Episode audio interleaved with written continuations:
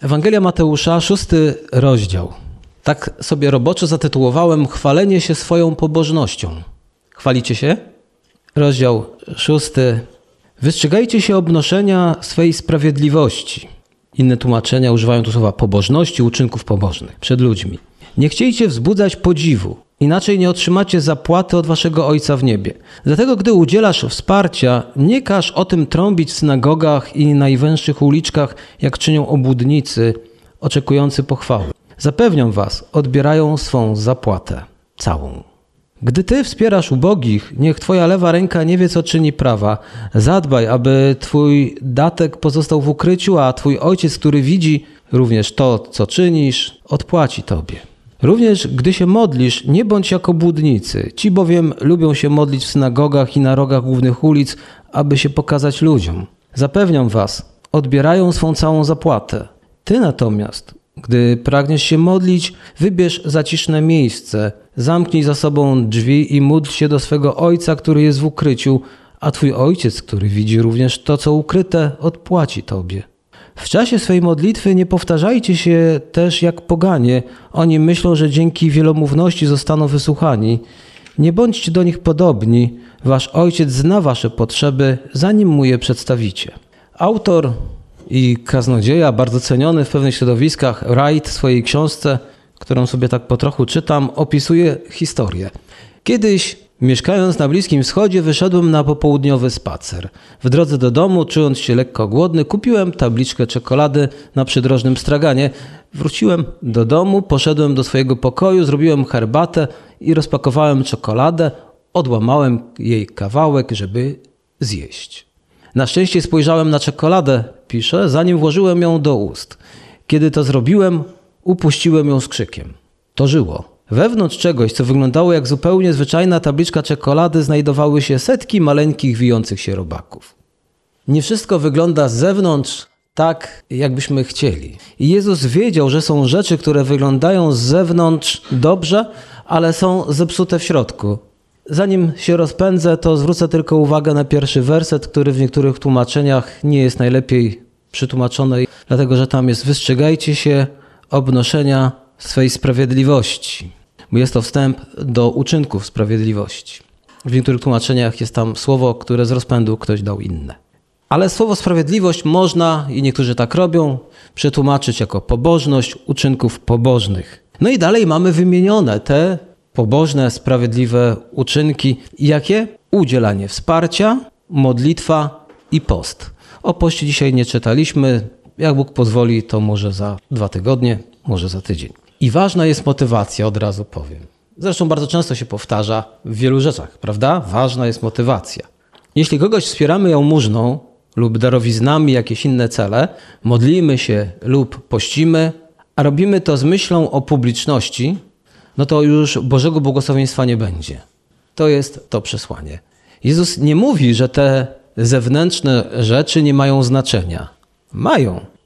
Jezus zakłada, że ludzie będą robić te rzeczy. I On chce, żebyśmy to robili. Ale abyśmy się też nauczyli robić je przed Bogiem. Bo co innego jest robić je przed ludźmi, to nie jest koniecznie to samo, co robić przed Bogiem. W rzeczywistości całe kazanie koncentruje się na samym Bogu. Zbyt wielu ludzi, kiedy je czyta, myśli, że oni są tam w centrum. A ja tego nie mogę, a to mogę, a z tego to będę błogosławiony, a z tego to będę przeklęty i tak wszystko tak, ty jesteś w centrum. Nie, Bóg jest w centrum kazania na górze. I bardzo łatwo można też Pana Boga usunąć z kazania na górze, i wielu to zrobiło, bo przecież dla wielu, nawet Dalej Lama chyba kiedyś był zachwycony kazaniem na górze. Któryś z tych Dalej Lamów, bo to jest tytuł. Czy jacyś tam inni? No pewnie. Po co się zajmować Panem Bogiem, jak można zająć się sobą i pięknym kazaniem na górze? Więc bądźmy ostrożni. Jezus zakłada też, że robienie tych rzeczy, które tu były wymienione, przynosi pożytek. I możemy zauważyć jeszcze raz, że my to mamy czynić przed Bogiem, a nie aby ludzie nas widzieli i chwalili. No i teraz coś o sprzeczności. Ja lubię sprzeczności, które znajduję w Biblii, bo one pobudzają do myślenia. Kiedy je znajduję i mówię sprzeczności, a potem się okazuje, że one są tylko pozorne. I właśnie teraz o takich pozornych sprzecznościach są osoby, które bardzo szybko dostrzegają co na pozór jest sprzecznością, bo przecież nawet tutaj nie tak dawno czytaliśmy z Biblii słowa: Tak niechaj świeci wasza światłość przed ludźmi, aby widzieli wasze dobre uczynki i chwalili Ojca waszego, który jest w niebie.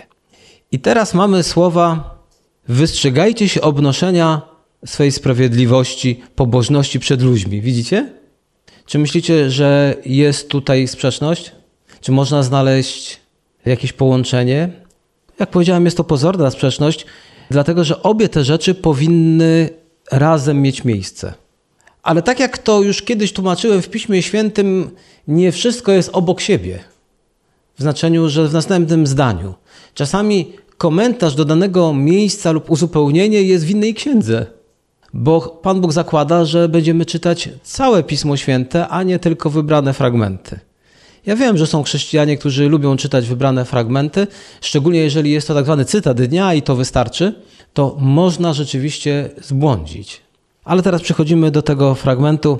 Chrześcijanin ma tak żyć, że kiedy inni na niego patrzą, byli pobudzeni do chwalenia Boga. Jednak chrześcijanin ten musi pamiętać, że cokolwiek czyni, to jego celem nie jest to, aby przyciągnąć innych uwagę na siebie, ale na Boga. Rozumiem, kiedy to ludzie niewierzący robią, ale zaskakujące jest, kiedy chrześcijanie chcą tego samego. Kiedy wykonują przeróżne rzeczy, chcą skupić uwagę na sobie. I nawet jeszcze znajdą cytat, co niektórzy, który trzeba zrozumieć. Tak niech świeci wasza światłość przed ludźmi, aby widzieli wasze dobre uczynki. My te dobre uczynki wykonujemy nie dlatego, żeby je ludzie widzieli, ale my je tak wykonujemy, że oni jak najbardziej będą je widzieli. Szkoda, żeby chrześcijanin tak żył, żeby nikt nie zauważył, że on prowadzi chrześcijańskie życie. To wtedy byłoby to straszne, czy nie tak? Bo mógłbyś powiedzieć, będę tak się zachowywał, żeby nikt nie rozpoznał, że ja czynię dobrze. To jak chcesz czynić? Jak chcesz postępować? Jak chcesz żyć? O podobaniu się ludziom, teraz parę słów, ale tak naprawdę to sobie samemu. Tydzień temu już usłyszeliśmy o podobaniu się sobie, ale chcę pójść krok dalej. Pierwszy werset mówi: Baczcie więc, byście pobożności swojej nie wynosili przed ludźmi, aby was widziano. Inaczej nie będziecie mieli zapłaty u Ojca waszego, który jest w niebie. Na początku powiem, że musimy wybrać, czy chcemy się podobać Bogu, czy innym. To już jest wyzwanie dla każdego z nas, dlatego że nie zawsze będzie to to samo. Kiedy chcesz się podobać Bogu, niekoniecznie spodoba się Twoje postępowanie ludziom. A kiedy będziesz chciał się podobać ludziom, Pan Bóg może mieć odmienne zdanie. Ale teraz chcę pójść dalej, bo jak wspomniałem tydzień temu, kazanie na górze dotyczy naszego ja, albo jak kto woli, ego. Kiedy ktoś chce przypodobać się ludziom, to tak naprawdę co jest jego celem? Kiedy chcesz się przypodobać ludziom, to tak naprawdę co chcesz zrobić? Zadowolić siebie. Więc pójdźmy o krok dalej. Chcąc przypodobać się ludziom, chcesz zadowolić swoje ja. Więc celem tak naprawdę nie jest zadawalanie innych jako takich, wielu ludzi tak postępuje i co czasem może się wydawać, że bezinteresownie, ale sprowadza się to do ja. Ja się będę czuł dobrze. Ja będę coś z tego mieć. I warto pamiętać, że cokolwiek robimy, czy dajemy jałmużnę, czy się modlimy, czy pościmy, to zawsze znajdujemy się w Bożej obecności. I mamy tutaj coś ciekawego, bo Bóg widzi i zna każdą naszą myśl. Możesz oszukiwać innych i przekonywać ich, że to, co robisz, jest dla ich dobra. I wtedy mogą cię też chwalić. Możesz też przekonywać wszystkich wokoło, że robisz to dla Bożej chwały. Ale Bóg i tak wie, po co to robisz. Dlaczego to robisz? Niektórym się wydaje, że Boga oszukają. No nie da się Boga oszukać. Kiedy budzimy się, to tak naprawdę już wtedy stajemy przed Bogiem tak naprawdę to i kiedy śpimy, to już jesteśmy przed Bogiem. Ale kiedy przychodzisz do działania, do myślenia, to niektórzy myślą, to ja klękam i jestem wtedy przed Bogiem. Wtedy się modlę, wchodzę w Bożą obecność. Takie chrześcijanie mają przeróżne zwroty i wiele innych. Ale tak naprawdę powiedzmy sobie szczerze, kiedy tylko rano otwierasz oczy, już jesteś przed Bogiem. I to wszystko, co ty świadomie pomyślisz, wszystko to, co zrobisz, jest już robione w Bożej obecności. Ty już jesteś w Bożej obecności. Bóg ciebie widzi. Pewien psalmista wołał: Dokąd przed obliczem Twoim ucieknę? Więc kiedy nawet uciekasz i nie chcesz, żeby Bóg ciebie widział, to i tak Bóg ciebie widzi. Bóg ciebie słyszy, Bóg ciebie zna.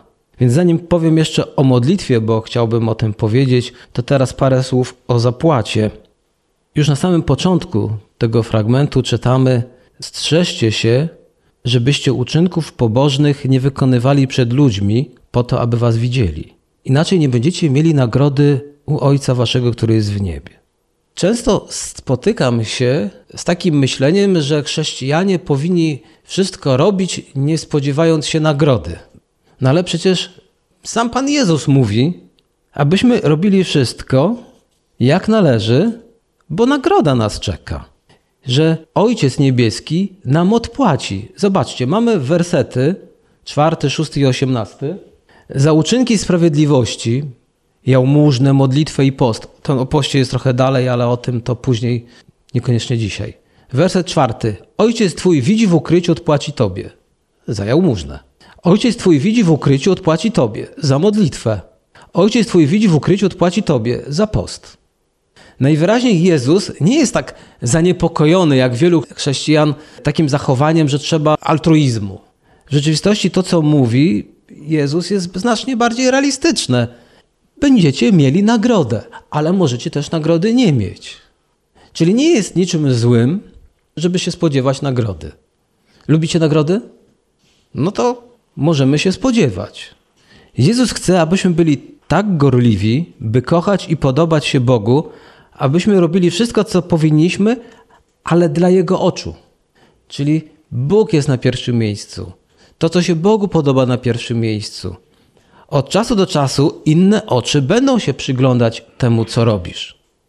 A szczególnie będą się przyglądać tym ludziom, którzy jakąś służbę wykonują w kościele, tak zwanym duchownym, pastorom, liderom uwielbienia, jakimś innym liderom, tym, którzy coś sprawują. Tak, wszystkie te oczy będą skierowane na nich, niektóre często tylko po to, aby poszukać, co oni robią źle, a potem, żeby to nagłośnić.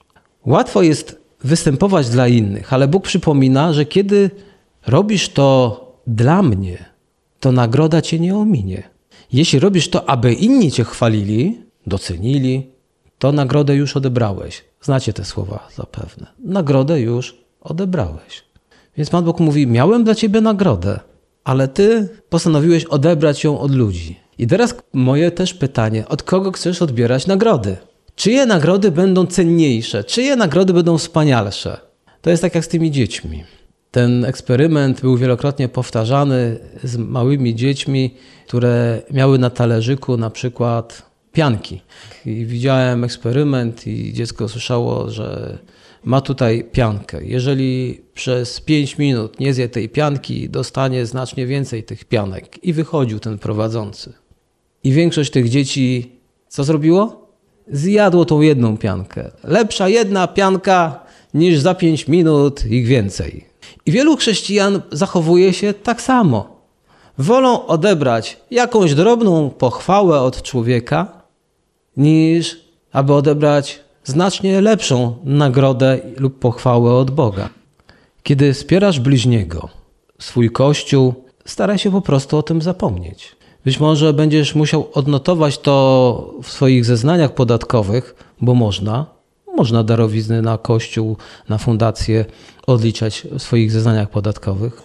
Ale tutaj chodzi o hojność i tutaj chodzi o Boga, więc Twoim celem nie jest to, aby inni się dowiedzieli. Jednak jeśli się dowiedzą, jak mówiłem, to niech to będzie dla nich przykład. Niech to będzie dla nich zachęta. Aby ludzie widzieli. To nie o to chodzi, że robisz to, aby to tylko ludzie widzieli. Ale postępujesz tak, ale kiedy ludzie to będą widzieć, co robisz dla Boga, dla Bożej chwały i będą tym zbudowani, Bóg będzie uwielbiony. Ale nie robisz to, żeby się przypodobać im. I to samo dotyczy również modlitwy. Tutaj taka dygresja co do pięknych modlitw. Wielu chrześcijan ma obawy do modlitwy publicznej, bo oni tak pięknie się nie modlą. To w ogóle nie ma znaczenia, jeśli chodzi o piękność. To ma znaczenie o tym, że ty po prostu szczerze wołasz do Boga. I jeżeli ktoś słysząc taką modlitwę mówi sobie, ale on się jąka, ale on stęka, to znaczy, że w ogóle też nie rozumie sensu modlitwy. On stęka i modli się jak potrafi. Dlatego, że on bardziej jest zainteresowany, często ten człowiek, tym, aby przed Bogiem swoje serce otworzyć, niż o tym, żeby zastanawiać się, jak składnie i ładnie słowa dobrać. Dlatego też nie krępujmy się czasami modlić, kiedy jest taka sposobność. Po prostu uwielbiaj Boga, czcij Go w zgromadzeniu innych ludzi. Przejdźmy jeszcze trochę do modlitwy, bo mamy troszkę o grzechu. Chciałbym Wam powiedzieć coś o grzechu. Wiecie, że grzech w chrześcijaństwie nie jest jeszcze do końca wyjaśniony wiernym i wierzącym, bo skupia się to na tym, że zrobiłeś coś źle. Tak? Mówi się, grzech to zrobić coś źle. I wielu chrześcijanom po takim nauczaniu wydaje się, że grzech to jest zrobić coś źle. Albo że grzech to jest życie z daleka od Boga, bo oni żyją w grzechu z daleka od Boga. A więc grzeszą ci, którzy nie dają jałmużny, którzy nie spędzają czasu na modlitwie, na uwielbianiu Boga, czy też ci, którzy nie poszczą. No tak zaczynamy kalkulować.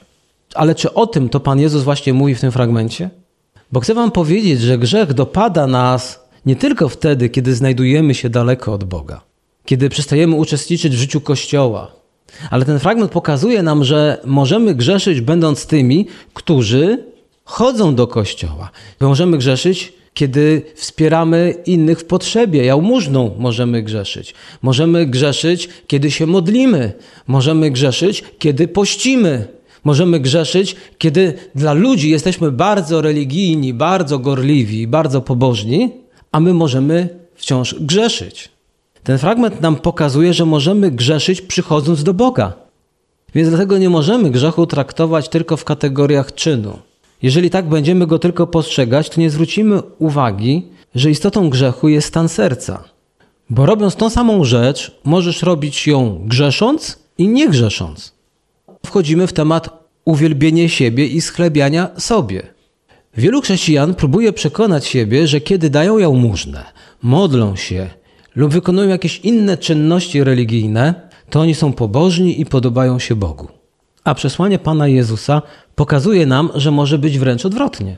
Że ci bardzo uczynkowi chrześcijanie, ja już nie mówię o niechrześcijanach, którzy wykonują chrześcijańskie czynności. Wielu niechrześcijan może się modlić w kościele, wielu niechrześcijan może dawać jałmużnę, wielu niechrześcijan może nawet pościć. Zgodzicie ze mną? No pewnie, że tak. Więc wielu niechrześcijan może wykonywać chrześcijańskie czynności. Ale ja bym chciał to sprowadzić do chrześcijan, którzy wykonując te wszystkie czynności, które same w sobie są właściwe, mogą dopuszczać się grzechu, bo podchodzą do nich w niewłaściwy sposób. Więc mamy tutaj ostrzeżenie, że musimy być ostrożni w swoim chrześcijańskim życiu. Bo kiedy wykonujemy te przeróżne czynności, możemy stać się również obłudni jak faryzeusze. Przecież nie było nic złego w tym, że faryzeusze się modlą, że dają jałmużnę i poszczą. W samych czynnościach nie ma nic złego. Nawet wskazane. Można by powiedzieć, jeżeli to takie złe, bo ktoś by tak wywnioskował, to przestanę dawać jałmużnę, przestanę się modlić i przestanę pościć. Tak? No bo na wszelki wypadek, żeby nie zgrzeszyć. Czyli od jutra przestajemy. Więc kiedy się modlimy, to co możemy zrobić? Albo skupić się na sobie, albo skupić się na tym, do kogo się zwracamy. Możemy skoncentrować się na sobie samych, albo skoncentrować się na Bogu. I dlatego mamy tutaj słowa o ludziach, którzy stoją w widocznym miejscu, aby pokazać się ludziom. Jezus mówi: Gdy się modlicie, nie bądźcie jako budnicy. Więc skuteczność modlitwy nie leży w tym, że będziesz się wykonywał dla poprawy swojego samopoczucia, czy też na pokaz. Ale sam Pan Jezus zwraca uwagę, że skuteczność modlitwy nawet nie leży w jej długości. Więc nie musisz bez przerwy wypowiadać pobożnych frazesów. Nie sposób tutaj wspomnieć, bo w naszym narodzie jest to znana forma modlitwy różańcowej. Tak wielu ludzi zostało okłamanych, że ona może podobać się Bogu. Więc skuteczność modlitwy nie leży we wpatrywaniu się w zegar. O, ale się długo modliłem. O, jeszcze trochę dociągnę, to pobije dzisiaj rekord modlitwy. Dlatego, że ci ludzie, którzy wpatrują się w zegar, to oni już odebrali swoją nagrodę. Satysfakcję za długość modlitwy. To jest Twoja nagroda. Mimo, że się o coś modliłeś, prosiłeś o to Boga, no to już nagrodę otrzymałeś. Satysfakcję, że tak długo się modliłeś. Więc ważną rzeczą jest, że kiedy się modlimy, abyśmy mieli świadomość, że zbliżamy się do Boga. I kiedy Jezus mówi, aby wejść do jakiegoś pomieszczenia i tam się modlić, to nie neguje wspólnych modlitw, do których zresztą sama Biblia nas zachęca. Nie opuszczajcie wspólnych zgromadzeń. Po co? Żeby się również wspólnie modlić. Ale chodzi tutaj o to, że ty załatwiasz sprawy z Bogiem jeden na jednego. Coś musisz zostawić, coś musisz usunąć, aby spędzić czas z Bogiem. Albo ty się usuniesz takie miejsce, albo usuniesz pewne miejsca, które umożliwią ci modlitwę. Jezus mówi: idź i zostaw to wszystko, co rozprasza ciebie. I wtedy spędź czas ze mną w modlitwie. Jest tu zasada. Możesz powiedzieć, ale ja myślałem, że tu chodzi o taki pokój, więc sobie nawet założyłem, napisałem pokój modlitewny. Oczywiście nie ma w tym nic złego, ale w tym pokoju modlitewnym nadal możesz nie stosować tej zasady, o której Jezus mówił, że usuwasz to, co cię rozprasza, bo ten pokój modlitewny może być oklejony. Jak tylko na to patrzysz, trudno ci się skupić na modlitwie. Może być tam komórka zainstalowana, internet w tym pokoju modlitewnym. Powiedz, bo to dobrze, żeby być na bieżąco. Z czym? Więc zasadą w Piśmie Świętym, o której Pan Jezus tutaj mówi, jest to, żebyś coś zostawił, odsunął się na bok. Współcześnie może to być wyłączenie telefonu. Czy nie tak? Odcinasz się, zostawiasz ten telefon, aby ci nie rozpraszał jego dźwięk. W tym również wiemy, że chrześcijanie na nabożeństwie też wyłączają taki dźwięk, bo kiedy się chcą pomodlić z innymi, żeby nie rozpraszał ich dźwięk telefonu. Część chrześcijan zamyka oczy. Po co zamykają oczy? No bo to jest taka tradycja w protestantyzmie, że jak się modlimy, zamykamy oczy, czy nie tak? Właśnie to jest w tym celu, niektórzy to robią odruchowo, że zamykają oczy, aby odciąć się od rzeczy, które mogłyby ich rozpraszać. A to może mucha, która chodzi po suficie albo tam na ścianie, a może coś jeszcze innego. I już jest rozproszony w tej modlitwie. Możesz jeszcze zrobić coś więcej. Nie wiem, to zależy od każdego z nas. Jak się odciąć od tych wielu rzeczy, żeby móc spędzić czas z Bogiem w modlitwie? Czasami to jest nawet stosowanie z umiarem dezodorantu. Kiedy idziesz na nabożeństwo i w takim pomieszczeniu jak tym, chcesz ładnie pachnieć i połowę wylewasz na siebie, to podejrzewam, że inni wokół ciebie też nie skupią się na modlitwie. Tak wiele rzeczy można zrobić, aby skupić się na modlitwie możemy to odsunąć. Więc albo my się możemy odsunąć, i czasami znam też takie domy, gdzie ktoś, kto chce się pomodlić, to on się odsuwa, czyli idzie na spacer, dlatego że w tym domu trudno się pomodlić z powodów po prostu praktycznych. Harmider, dzieci, ale czasami ty nie musisz wychodzić, tylko możesz coś w tym domu zrobić. I kiedy te rzeczy chcesz tak odsunąć od siebie, aby skupić się na modlitwie, to wiesz, co jeszcze można wziąć pod uwagę? Siebie. Czasami to my jesteśmy też przeszkodą w modlitwie. Czasami w naszej modlitwie, w naszej relacji z Bogiem przeszkadza nam nasza własna osoba, a tak naprawdę to nasze własne ja. No bo kiedy się modlisz, to przychodzisz do Stwórcy, przychodzisz do Boga Wszechmogącego. I dwa zdania o świadomości jeszcze. Świadomość jest bardzo potrzebna, takie świadome chrześcijaństwo. Kiedy przychodzisz w modlitwie do Boga, miej świadomość, że Bóg wie, czego ci potrzeba, zanim o to poprosisz. A to oznacza, że gdy się modlisz i wiesz, że Bóg jest Twoim Ojcem i bardzo cieszy się z tego, że przychodzisz do Niego w modlitwie, to też wiesz, że On chce Ci błogosławić. List do Efezjan, 3 rozdział, 20 werset, przeczytamy jeszcze tak jako komentarz. Temu zaś, który według mocy działającej w nas potrafi daleko więcej uczynić ponad to wszystko, o co prosimy albo o czym myślimy. Prawda, jakie pokrzepiające słowa? Potrafi daleko więcej uczynić niż my prosimy lub myślimy. Więc kiedy przychodzimy do Boga i myślimy, że długość naszych modlitw pomoże, to się mylimy. Albo że musimy tak bardzo podkreślać siebie, też niekoniecznie jest ku temu potrzeba. Albo myślimy, że możemy się pomodlić, kiedy wokoło nas jest tyle przeszkadzajek, a Pan Bóg mówi: Spróbuj odsunąć pewne rzeczy od siebie. Spędź ze mną czas.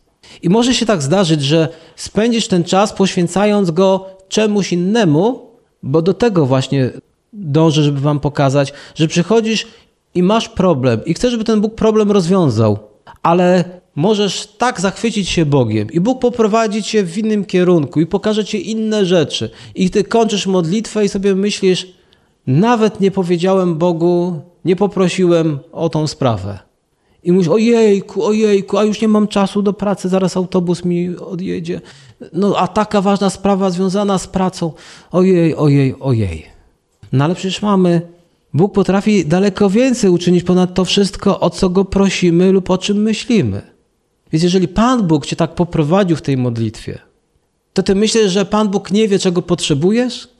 On dobrze wie.